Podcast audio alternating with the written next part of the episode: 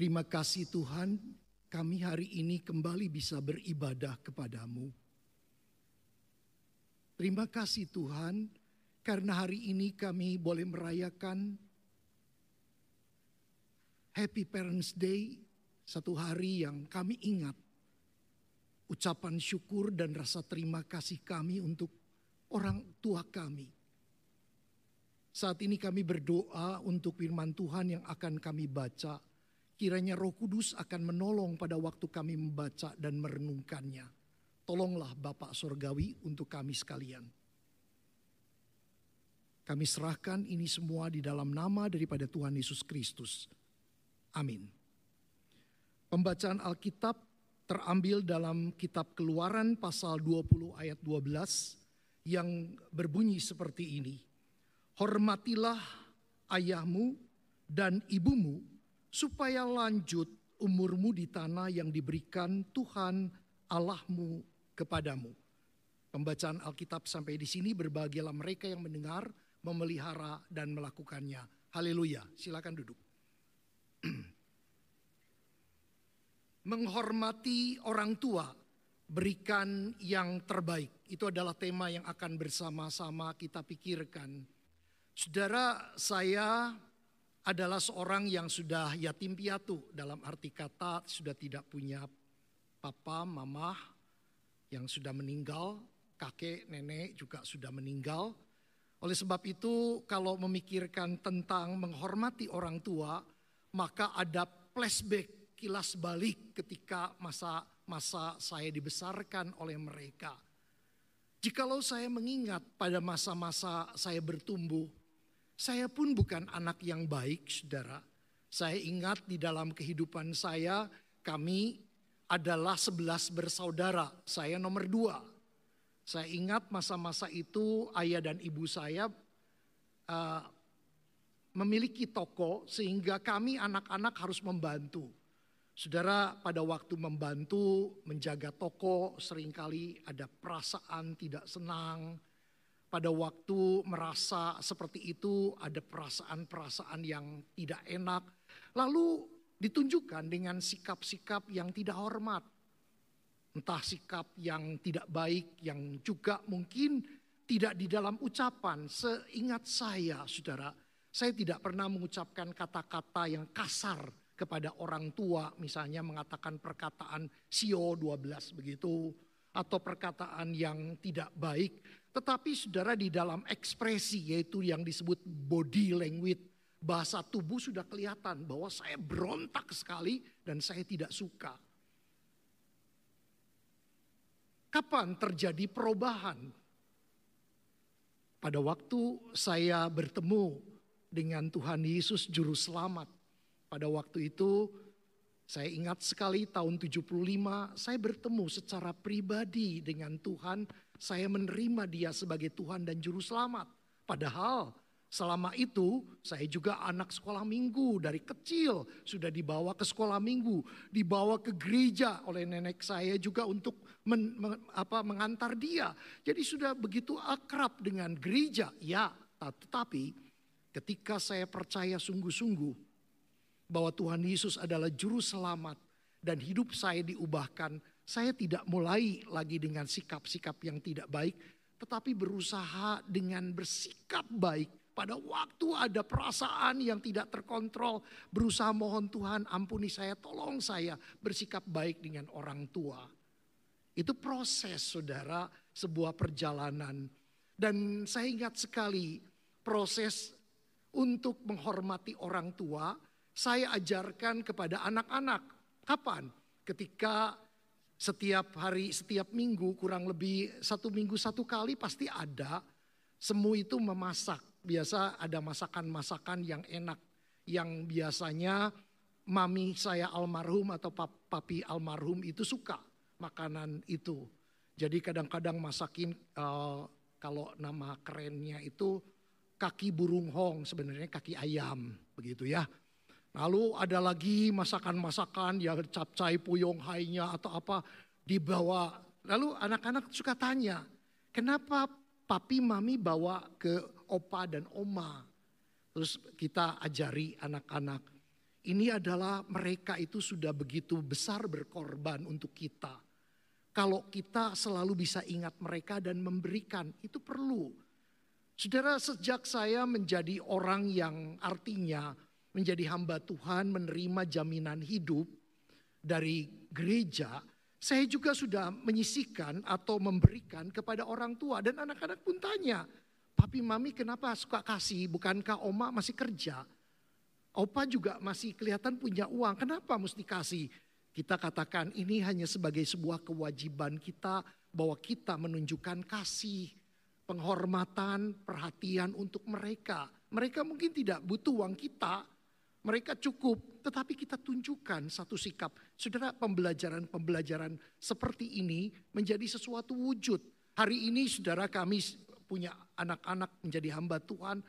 Di dalam setiap ulang tahun, entah papinya, entah maminya, entah kalau hari Natal, mereka juga memberikan memberikan angpau begitu ya, walaupun jumlahnya kan tergantung kondisi mereka, tetapi saudara itu menjadi sesuatu yang menjadi ingatan tentang hormatilah orang tuamu supaya umurmu dipanjangkan.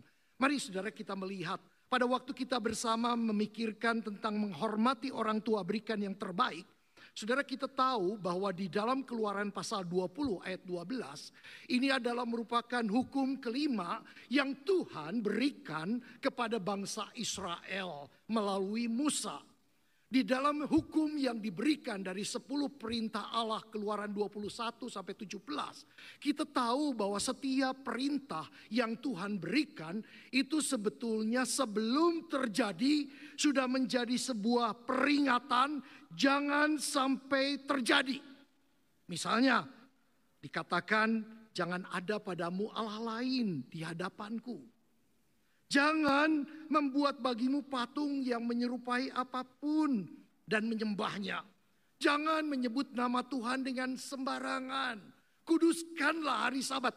Saudara dan juga kita melihat hormati ayah dan ibumu. Artinya apa? Terjadi peristiwa di mana di dalam kehidupan kita Tuhan mengingatkan karena manusia yang sudah jatuh dalam dosa tendensi berbuat dosa, berontak dan tidak hormat kepada orang tua itu sudah ada. Sebab itu Tuhan mengingatkan kita semua. Saudara mari kita bersama mencoba melihat apa yang disebutkan oleh John Stott mengatakan sepuluh hukum ini ada yang membaginya di mana hukum yang pertama sampai dengan hukum yang keempat itu untuk Allah berkaitan dengan Allah yang Esa. Hukum yang kelima sampai hukum yang ke sepuluh itu adalah berkaitan dengan manusia atau dengan sesamanya saya dan engkau. Maka ini adalah mengurus ataupun dengan kata lain memberikan penyinaran, memberikan terang untuk bagaimana berelasi dengan sesama kita. Tetapi bangsa Israel tidak seperti itu saudara. Bangsa Israel membagi hukum itu bukan bagian yang pertama, satu sampai empat mm, Dan kemudian lima sampai sepuluh. Tapi membaginya satu sampai lima, enam sampai sepuluh. Kalau kita melihat bagian ini, apa yang terpikir? Ada maksud penting yang Tuhan mau sampaikan. Maksud ini adalah merupakan sebuah maksud pengaturan yang membawa hormat kepada orang tua, ke dalam kewajiban kita kepada Allah.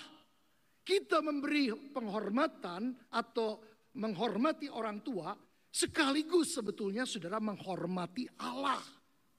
Ini yang kita bisa lihat dengan sangat jelas.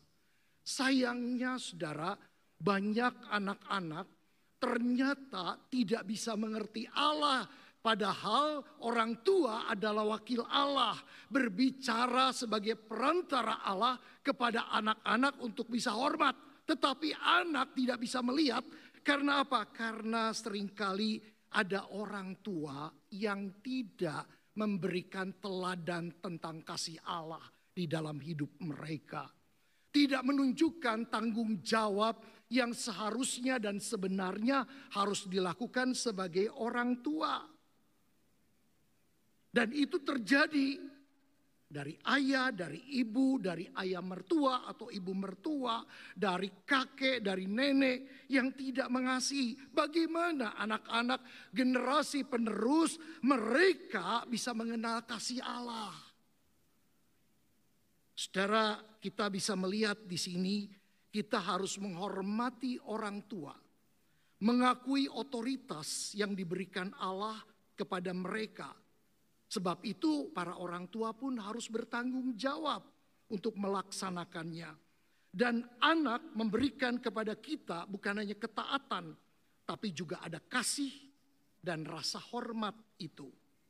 Kita coba lihat di dalam poin kita yang kedua, saudara. Menghormati orang tua itu harusnya seharusnya dilakukan oleh anak cucunya ada pendapat bahwa hukum ini, hukum kelima ini bukan hanya untuk orang tua katanya. Karena apa? Pemerintah, perusahaan, gereja, sekolah, keluarga itu ada otoritas masing-masing. Di dalam otoritas ini semua otoritas itu menempatkan kita untuk menghormatinya. Tetapi di sini bukan itu, Saudara. Memang kita setuju semua otoritas yang ditempatkan oleh Allah itu kita harus hormati otoritasnya. Tetapi di dalam keluaran pasal 20 ayat yang kita lihat ayat 12 ini adalah anak-anak itu harus menghormati anak, anak harus menghormati ayah, ibu, ayah, ibu mertua, kakek, neneknya itu harusnya dihormati. Sayang, kadang-kadang tidak terjadi seperti itu, bukan? Calvin berkata, saudara-saudara, bahwa sering kali sikap tidak hormat kepada orang tua mempunyai akibat, yaitu ketidakhormatan kepada Allah. Tidak menghormati orang tua itu juga tidak menghormati Allah. Ini clear sekali. Oleh itu oleh sebab itu kita bisa melihat kata menghormati ini sebenarnya terkandung di sini yaitu sikap segan. Sikap segan atau takut. Tetapi juga sikap hormat sekaligus sikap mengasihi. Kata menyegani ini saudara ada di dalam imamat pasal 19 di dalam ayat 1 sampai ketiga dikatakan haruslah kamu menyegani orang tua. Jadi artinya ada rasa respect, ada kasih sayang juga. Ini yang kita bisa lihat.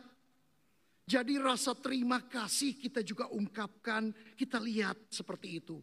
Saudara dalam perjanjian baru itu ada satu kata dalam kolose khususnya pasal yang ketiga ayat 20. Hai anak-anak taati orang tuamu dalam segala hal. Karena itu yang indah di dalam Tuhan artinya menyenangkan Tuhan. Kata di dalam segala sesuatu kita perlu jabarkan atau perlu kita perhatikan. Saudara, apakah segala sesuatu artinya mutlak, absolut? Apa yang dikatakan orang tua harus kita turuti? Jawabannya, saudara, tidak seperti itu, karena Rasul Paulus di dalam suratnya di Efesus itu mengatakan, yaitu bahwa bukan hanya di dalam hal ini Kolose mengatakan yaitu harus di dalam segala sesuatu tetapi diimbangi dalam Efesus dengan perkataan di dalam Tuhan. Artinya Jikalau di dalam kehidupan kita orang tua memberikan perintah, memberikan nasihat yang bertentangan dengan kebenaran firman Tuhan, padahal otoritas firman Tuhan lebih daripada otoritas dari orang tua, seharusnya kita tidak mentaati. Jikalau kita mentaati, berarti kita sudah menyalahi firman Tuhan karena seharusnya kita tahu batasan kita itu seperti itu. Di dalam Tuhan. Saya ingat sekali saudara pada tahun 77, jadi dari tahun 76, saya sudah berbicara saudara pada waktu saya percaya tahun 75, tahun 76, saya berbicara dengan ibu saya bahwa saya akan masuk sekolah teologi Sesudah percaya itu saya katakan saya mau masuk sekolah teologi ya. Ibu saya mengatakan ini ada ada toko. Kamu bisa kerjakan toko. Kalau kamu masih mau lanjutkan studi ya lanjutkan studi. Saudara kemudian saya mengatakan kalau secara masa belum percaya dulu mungkin saya akan marah begitu. Tapi pada waktu itu saya tidak marah. Saya cuma mengatakan kepada ibu saya, Mami, saya sudah mengambil keputusan bahwa pada tahun 77 saya akan masuk sekolah teologi ya, kalau Tuhan berkenan. Dan ibu saya tidak setuju, saudara. Bayangkan, saudara, kalau pada waktu itu saya setuju, berbeda sekali hidup hari ini dengan pada waktu itu. Mungkin saya sudah tidak ada lagi begitu. Karena apa? Mungkin segala sesuatu terjadi sedemikian. Saya mengatakan saya tidak, saya akan tetap masuk sekolah teologi. Tetapi dengan sikap yang halus, tidak kasar, tidak memberontak. Tetapi saya mengatakan, saya bilang saya tidak ada suatu niatan, niat untuk hidup seperti papi mami begitu bekerja, ber, berdagang atau apa. Tapi saya ingin mengingat bahwa firman Tuhan mengatakan masih banyak sekali kebutuhan ladang Tuhan yang menguning, memberitakan Injil itu tugas yang mulia dan penting. Saya katakan kepada ibu saya, Saudara memang tidak mudah, tetapi itulah taati tetapi ada batasan. Orang tua yang sudah pikun juga tidak bisa saudara dengar nasihatnya atau apa. Karena kita seperti itu. Anak yang sudah berumah tangga, dia pun sudah lepas dari orang tua. Jadi orang tua jangan terlalu turut campur dengan anak yang sudah menikah. Karena apa? Keputusan bukan keputusan orang tua, tapi keputusan dari suami istri. Kalau kita terus turut campur sebagai orang tua, maka menjadi masalah yang sangat besar. Karena apa? Tuhan mengatakan seorang laki-laki dia akan meninggalkan ayah dan ibunya dan akan bersatu dengan istrinya sehingga keduanya menjadi satu bukan lagi dua. Sebab itu suami istri yang harus memutuskan kita tidak boleh turut campur atau masuk di dalam kehidupan keluarga dengan segala keinginan, pemikiran kita sendiri. Tetapi biarkan mereka, kita boleh memberikan nasihat. Sejauh nasihat itu oke, okay, tetapi tidak memaksakan. Saya selalu dengan semu kami ini sudah punya anak menantu yang sama sebetulnya kami anggap anak-anak. Anak kami juga begitu. Jadi selalu saya katakan stop kalau mau bicara apa-apa harus rem. Kita ini menjadi orang tua. Sebagai orang tua kita tidak boleh turut campur urusan itu. Hari-hari ini anak yang pertama kami ini melayani di GKI BSD sebagai hamba Tuhan tidak terlalu pusing dengan masalah perumahan karena disediakan oleh gereja. Tetapi anak yang kedua dia mengajar sebagai guru agama. Dia harus mencari tempat. Waktu mencari tempat dia tunjukkan ada tempat ini, tempat itu, ada rumah yang ditawarkan, ada apartemen yang bisa disewa dan sebagainya. Saya cuma bilang sama semu, jangan turut campur.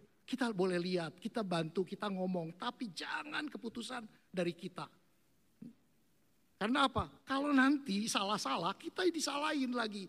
Jadi masalah besar lagi gitu. Padahal itu anak-anak kita. Saudara, satu kali kita melukai dan terluka itu susah. Saya ingin kasih tahu. Sebab itu usahakan tidak sampai seperti itu. Karena apa? Di dalam gereja juga sama.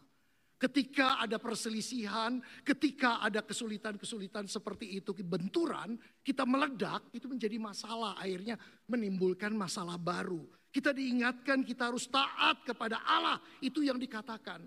Pada waktu rasul-rasul ditangkap di oleh mahkamah agama dihadapkan supaya mereka tidak mengabarkan Injil. Apa yang dikatakan? Mereka berkata kita harus lebih taat kepada Allah daripada kepada manusia. Ini adalah merupakan hal yang sangat penting. Ketaatan anak dibatasi oleh usia. Tidak lagi kalau dia sudah dewasa. Oleh sebab itu di dalam kehidupan kita, kita seharusnya apa? Seharusnya di dalam kehidupan kita, kita diingatkan. Mungkin kita sebagai anak, orang tua ada yang pernah menyakiti kita. Ada yang pernah menyakitkan hati kita. Karena apa? Di dalam suratnya Rasul Paulus di Efesus dikatakan bapak-bapak Jangan sakiti anakmu. Itu artinya kita bisa salah, saudara, sebagai orang tua bisa menyakiti. Bisa menjadi orang tua yang tidak kurang sayang bagi mereka atau kurang bertanggung jawab, egois, hanya mementingkan diri kita. Sudah orang-orang yang mau bercerai selalu mengatakan saya sudah tidak tahan. Sudah tanya dengan generasi penerus apakah mereka mau berdiceraikan orang tuanya? Kan tidak. Tetapi banyak orang tua yang seperti itu membuat penderitaan untuk anak-anaknya. Sebab itu ketika orang tua menjadi tua, ingat saudara, Jangan habis manis sepah dibuang. Orang tua sesudah tua diabaikan, anak-anak punya kesibukan tidak memperdulikan, sangat menyedihkan. Mereka perlu perhatian kita. Saudara entah di telepon, entah apa. Saya ingat sekali saudara, ada satu pada waktu saya berada di Amerika, saya kos, uh, saya ada kos di satu tempat, ada satu uh, pemuda pada waktu itu saya sebagai hamba Tuhan sedang berusaha untuk menyelesaikan pendidikan studi saya. Ada satu anak muda, dia setiap hari Sabtu saya ingat dia telepon sama neneknya. Saya senang sekali mengatakan kamu sangat berbakti sekali. Iya, nenek saya saya telepon setiap minggu tidak pernah saudara. Hari yang sibuk bagaimana dia berusahakan untuk telepon kepada neneknya. Bukan kepada orang tuanya, kepada neneknya. Tapi kenapa? Neneknya berpesan, nanti satu kali someday kalau kamu ada di sana, nggak bisa datang, nggak apa-apa, tapi tolong telepon. Dia telepon, saudara. Setiap minggu saya saya terharu sekaligus menjadi satu ingatan betapa luar biasanya pemuda ini. Dia mengenal tentang apa yang disebutkan hormati. Saudara kita tahu jangan sampai kita menjadi kacang lupa kulitnya anak-anak kepada orang tuanya. Kita tahu orang tua mungkin tidak selalu sehat, bisa sakit. Kita perlu merawat. Walaupun begitu Tuhan mengatakan orang tua yang tidak sempurna, orang tua yang baik sekali. Tuhan mengatakan hormatilah orang tuamu. Kita wajib menghormati. Taat itu mungkin kita bisa katakan saya tidak bisa mentaati, tidak sesuai dengan firman Tuhan. Tetapi menghormati, mengasihi, dan juga merawatnya itu adalah penting sekali. Sebab itu Rasul kalau saudara memperhatikan di dalam hal ini Tuhan Yesus pernah menegur orang Parisi karena apa? Mengabaikan orang tuanya dengan mengatakan saya sudah pakai uang untuk persembahan kepada rumah Tuhan. Saudara itu tidak tepat tidak benar.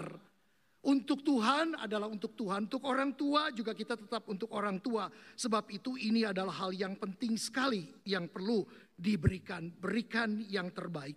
Yang ketiga, yang terakhir saudara, menghormati orang tua itu akan mendapatkan berkat kebahagiaan. Di dalam ayat ini saudara diingatkan bahwa panjang umur, apakah kalau kita hormat kepada orang tua panjang umur. Bukankah Tuhan sudah menentukan umur kita? Kalau ternyata kita sudah taat kepada Tuhan, tapi kita mati muda. Karena apa? Mati cepat misalnya. Kenapa? Karena kita tidak menjaga kesehatan. Sudah tahu saudara, makan, minum, uh, makan-makan, minum-minum yang artinya terlalu berlebihan bisa menjadi penyebab penyakit. Itu dilakukan, mati. Yang salah siapa? Tetapi dia sudah taat kepada Tuhan, mengasihi orang tua mungkin dan sebagainya. Tetapi di sini kita melihat, saudara banyak orang juga kita bisa lihat, ini anak ini tidak berbakti tapi panjang umur. Tapi panjang umur tidak berbahagia. Ah, dikatakan di sini akan panjang umur, akan diberikan umur yang panjang dan diberikan bahagia. Saudara hari-hari ini saya merasakan kebahagiaan karena melihat anak menantu dan cucu-cucu. Saya bahagia, saudara.